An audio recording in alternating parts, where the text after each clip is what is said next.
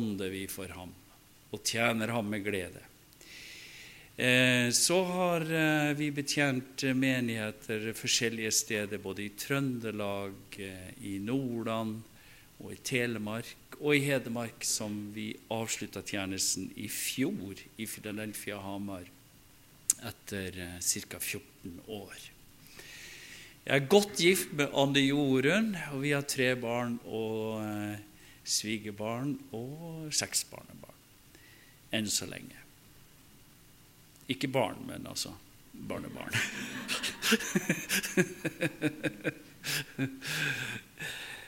ja Jeg fikk så lyst til å dele med dere noe som eh, jeg har eh, tenkt en del på siden nyttår.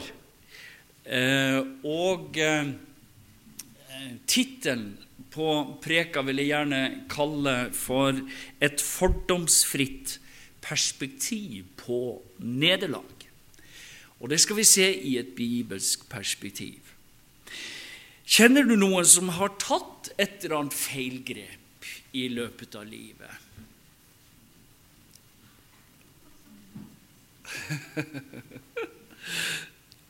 Kanskje du sitter ved siden her?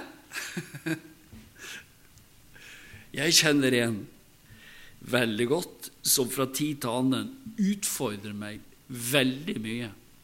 Og til tider så har jeg vært så irritert på vedkommende, og jeg har også avsagt dommer over hans liv og stemplet han nærmest håpløs og umulig. Du lurer kanskje på hvem det er? Det er han som preker for deg i dag.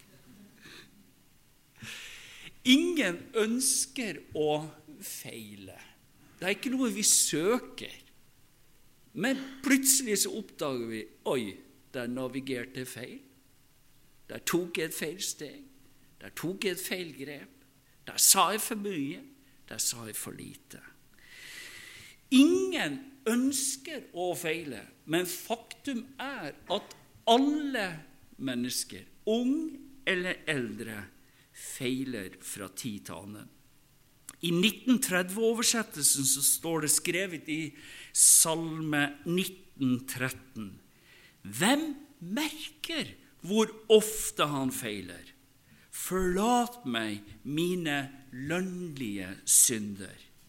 I 2011-oversettelsen så står det samme verset. Hvem kjenner sine egne feiltrinn? Frikjenn meg for dem jeg ikke vet om. Altså, her sitter vi under dette taket på denne hellige plassen og har det til felles, annet. Vi gjør feil fra tid til annen. Jakob han sier i kapittel 3,2.: Alle snubler vi ofte. Den som ikke snubler og feiler med det han sier, er fullkommen og i stand til å holde hele kroppen i tømme. Bibelen er direkte. Her møter vi sannheten. Den taler sannheten om Gud, den taler sannheten om meg, sannheten om djevelen, våre fiender. Den representerer sannheten fra A til Å. Faktisk er det slik at de som virkelig har satt spor i bibelhistorien, har gjort fatale feil. Det vil ikke være tid nok her i formiddag til å liste opp de mange, mange eksemplene som Bibelen er åpen på. Mennesker, hellige menn og kvinner, som tok feilgrep, som gikk feil, men som retta opp feilene og kom på rett kjøl igjen. Abraham, f.eks., Jakob, Moses, David og Peter, for å nevne noen. Lista er lang. Når det en gang er slik at alle feiler, er det ikke da viktig å se nærmere på hvordan jeg kan respondere på feiltrinn? Er det mulig å hente ut gode gevinster av feiltrinn? I tilfelle hvordan? Hva om en heller skulle tenke at feilsteg er venner i stedet for uvenner? Altså venner av det slaget som hjelper en til mer selvinnsikt, ydmykhet, modenhet og vekst. Tenk deg, hvordan ville livene våre sett ut om vi hadde dømt oss selv mildere, og heller tenke slik Når du prøver og feiler, lærer du. Når du lærer, modnes du. Når du modnes, vokser du. Når du vokser, spirer potensialet for ytterligere modning og vekst. La meg rett ut spørre hvis du har mislykket i ett eller annet, er du da per definisjon en fiasko? Underlig spørsmål. Men gjennom over 40 år i tjeneste har jeg møtt mennesker lik meg som har feilet, og etter feilsteg har definert seg selv som en fiasko. Bibelen har et godt budskap til oss. Evangeliet er det glade budskap. Som troende og Kristi etterfølgere er det viktig hva Guds ord sier om deg og meg, enn hva våre følelser melder andre skulle mene, eller hva en tror andre tenker om en. Bibelen har en rekke eksempler på mennesker som valgte et konstruktivt perspektiv på sine nederlag. Vi ser det i deres innstilling og handlingsmønster. Eksempel 1. De avviste feilsteg som endelig, og de baserte ikke sin egenverdi på prestasjoner. 2. De så på feiltrinn som midlertidig. Midlertidige hendelser i en læringsprosess. 3. De holdt forventningen på et realistisk nivå. De la ikke lista så høyt at det var umulig å komme over den. 4. de fokuserte mer på sine sterke sider enn sine svake sider. De oppdaga talentene sine, gavene sine, og fokuserte på dem og løpte med dem. Kjære ungdommer, løp med gavene dere har fått. Ikke det andre har fått, men det Gud har gitt dere. Hold fast på dem. Modnes i dem og løp med dem. For det femte, de risikerte å mislykkes. Seks, de kom seg opp igjen etter nederlag fordi de visste at en feil i seg selv gjør dem ikke til en fiasko. Kan vi spleise på et ammen? Finnes det et område i livet hvor du gjentatte ganger gjør feil? Har du tenkt på deg selv som mislykket av den grunn? Hva kan vi lære av feilene? Hvordan kan du bruke dine personlige styrker og beste evner til å komme videre i livet? For vi har en vei videre, uavhengig hvor ung eller gammel vi er. Vi er ikke helt framme. Et par eksempler som jeg har lyst til å løfte fram her ut fra Guds ord. Eh, første eksempelet er eh, Peter. Peter var i den indre disippelkretsen rundt Jesus. Han eh, var blant de betrodde. Jesus hadde tolv. Han var blant de tre av de tolv, helt inn på Jesus. Han hadde en sirkel utafor der Jesus, rundt 500, og så hadde du sirkler på sirkler. En mengde mennesker som betraktet Jesus. Peter var blant de tre helt tett innpå Jesus. Han står det skrevet om. Han tok foten over ripa og gikk på vannet, nærmere bestemt Genesaretsjøen. Jeg var der forresten for bare noen få dager siden, ute i båt, og priste Gud og tenkte her har Jesus gått på vannet. Også Peter gikk på vannet. Peter han erklærte at Jesus var Kristus, altså den salvede Messias. Han var øyevitne til forklarelsen på berget. Det var ikke småtteri hva Peter hadde erfart.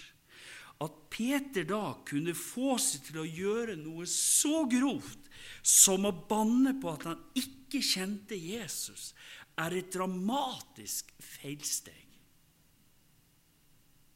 Jeg leser fra Matteus 26, 69-75.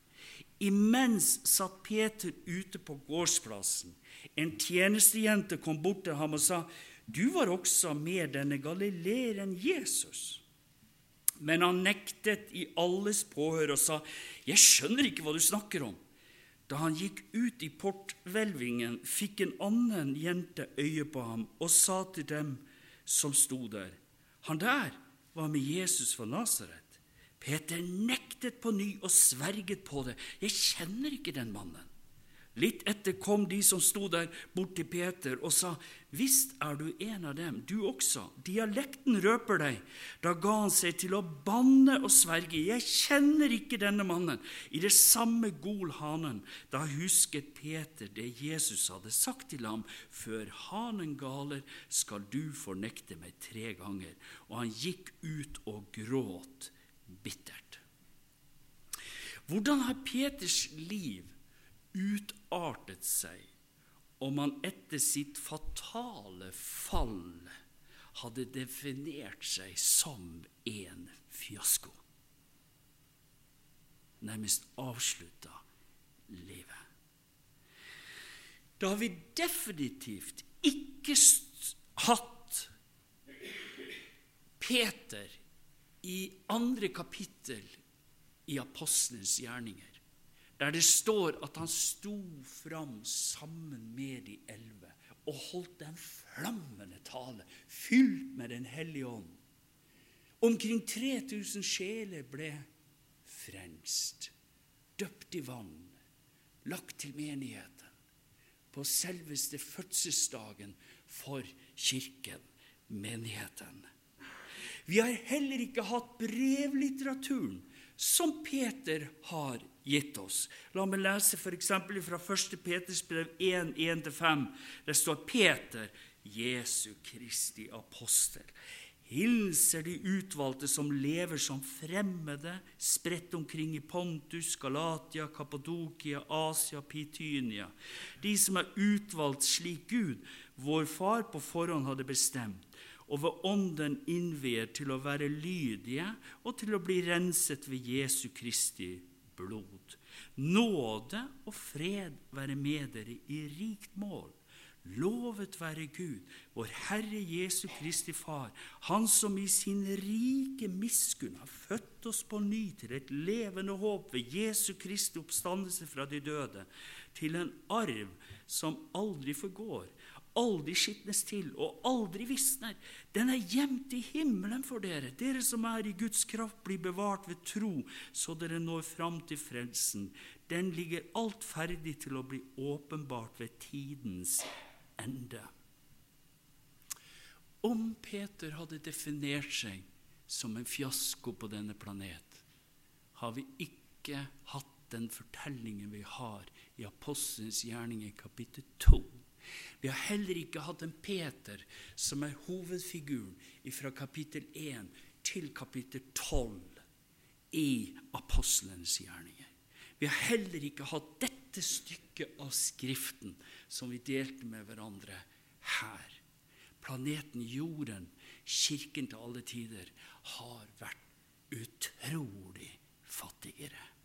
Men takk og lov, han møtte evangeliet. Han møtte Jesus. Han fikk oppreisning. Gud fylte ham. Og han var drevet og ledet av Den hellige ånd. Peters liv i et nøtteskall er slik. Jesus utvalgte apostelen fordi han fokuserte på Peters potensial fremfor hans nederlag, fremfor hans brist, hans svakheter, hans fall. Kristus fokuserte på det Gud hadde lagt ned i ham, og potensialet for framtiden. Peter skalv av frykt når ei jente anklaget ham for å være en av Jesu etterfølgere. Han sverget på at han ikke kjente Jesus. I avgjørende minuttet sviktet Peter sin Herre totalt og fornektet ham tre ganger den natten Jesus ble arrestert. Likevel er det denne Peter som i møte med forfølgelse og motstand reiste seg fra den dypeste mislykkethet for å gjøre store ting for Kristus og hans menighet. Fordi han tok imot evangeliets forsonende og forvandlende kraft, forkynte han entusiastisk Kristus hvor han enn vandrer fram. Og vi ser også sporene av det i, brevlitteraturen. På tross av at døden var en sannsynlig straff for at han nettopp proklamerte Kristus som herre i keiserriket Romerriket. Han skrev oppmuntrende brev til kristne som ble utsatt for intens forfølgelse for sin tro. Han oppmuntret dem til å holde ut i lidelsen ved å huske på den belønningen som ventet dem. Altså, Peter nektet å la nederlaget definere han. Han er ikke lenger den taktløse, ustabile og feige Peter. Hva var det som skjedde med ham? Han modellerer for oss feilende mennesker i anno 2018 hvordan vi kan respondere på våre feilsteg, våre feilgrep, våre nederlag. Hva var det vi kan lære av Peter? Jo, for det første Peter lærte av sine feil. Han nektet å være en som gav opp. Og jeg vil bare si det, søster, bror som er her i dag. Ikke gi opp. Hold ut. Se på Jesus. Han elsker deg. Det er ingen fordømmelse fra hans øyne. Han har framtid og håp for deg. Peter har modnet i sin tro fremfor at nederlaget skulle hemme ham og binde ham for livet. Han ble fylt av Den hellige ånd istedenfor å stadig bli fylt av seg selv. Ble han tømt, uttømt og fylt av Kristi sinn og Guds vesen.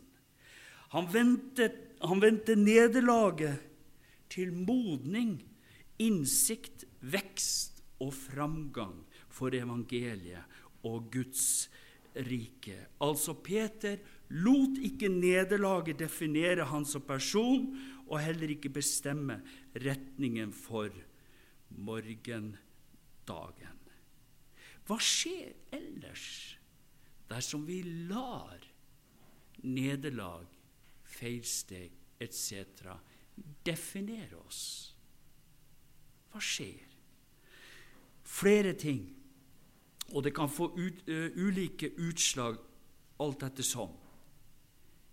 Men erfaringer viser at det kan komme inn en åndelig lammelse. Handlingsrommet blir mindre. Sirkelen blir mindre og mindre. Det man har tenkt og gjort og utrette, man utsetter selv om timeglasset aldri står stille. I verste fall så kan selvmedlidenhet komme, og frøet til bitterhet vokse opp. Unnskyldninger kommer, og håpløsheten og nedstemthet, motløshet og i verste fall depresjon kan inntreffe. Evangeliet er til oss alle.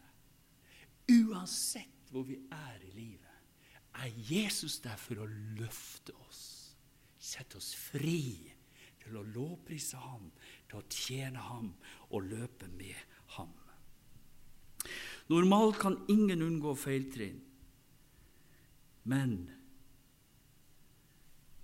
vi kan søke Jesus, han som er sannheten, han som er veien, han som er livet, han som er håpet, han som er troens opphavsmann og fullender.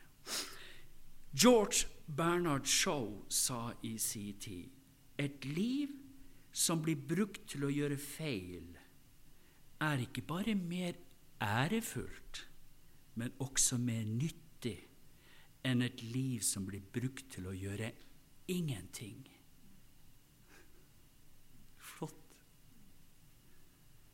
Gud velsigne deg, bror og søster. La ikke feilsteg, feilgrep, definere deg. Gud har definert deg. Amen. Du skapte Guds bilde. Han døde i ditt sted. Ingen på denne planet er mer verdt enn akkurat deg. Det var ei um, interessant fortelling ei som skrev i Aftenposten på nyåret, som, som uh, leda meg djupere inn i nettopp i denne preika her. Hun uh, heter Shams al-Sammer, og hun uh, studerer medisin. Og har alltid gjort det så bra på skolen. Alltid seksere, toppkarakter. Av lærerne så ble hun satt på å hjelpe andre elever med lekser osv. En skikkelig ener.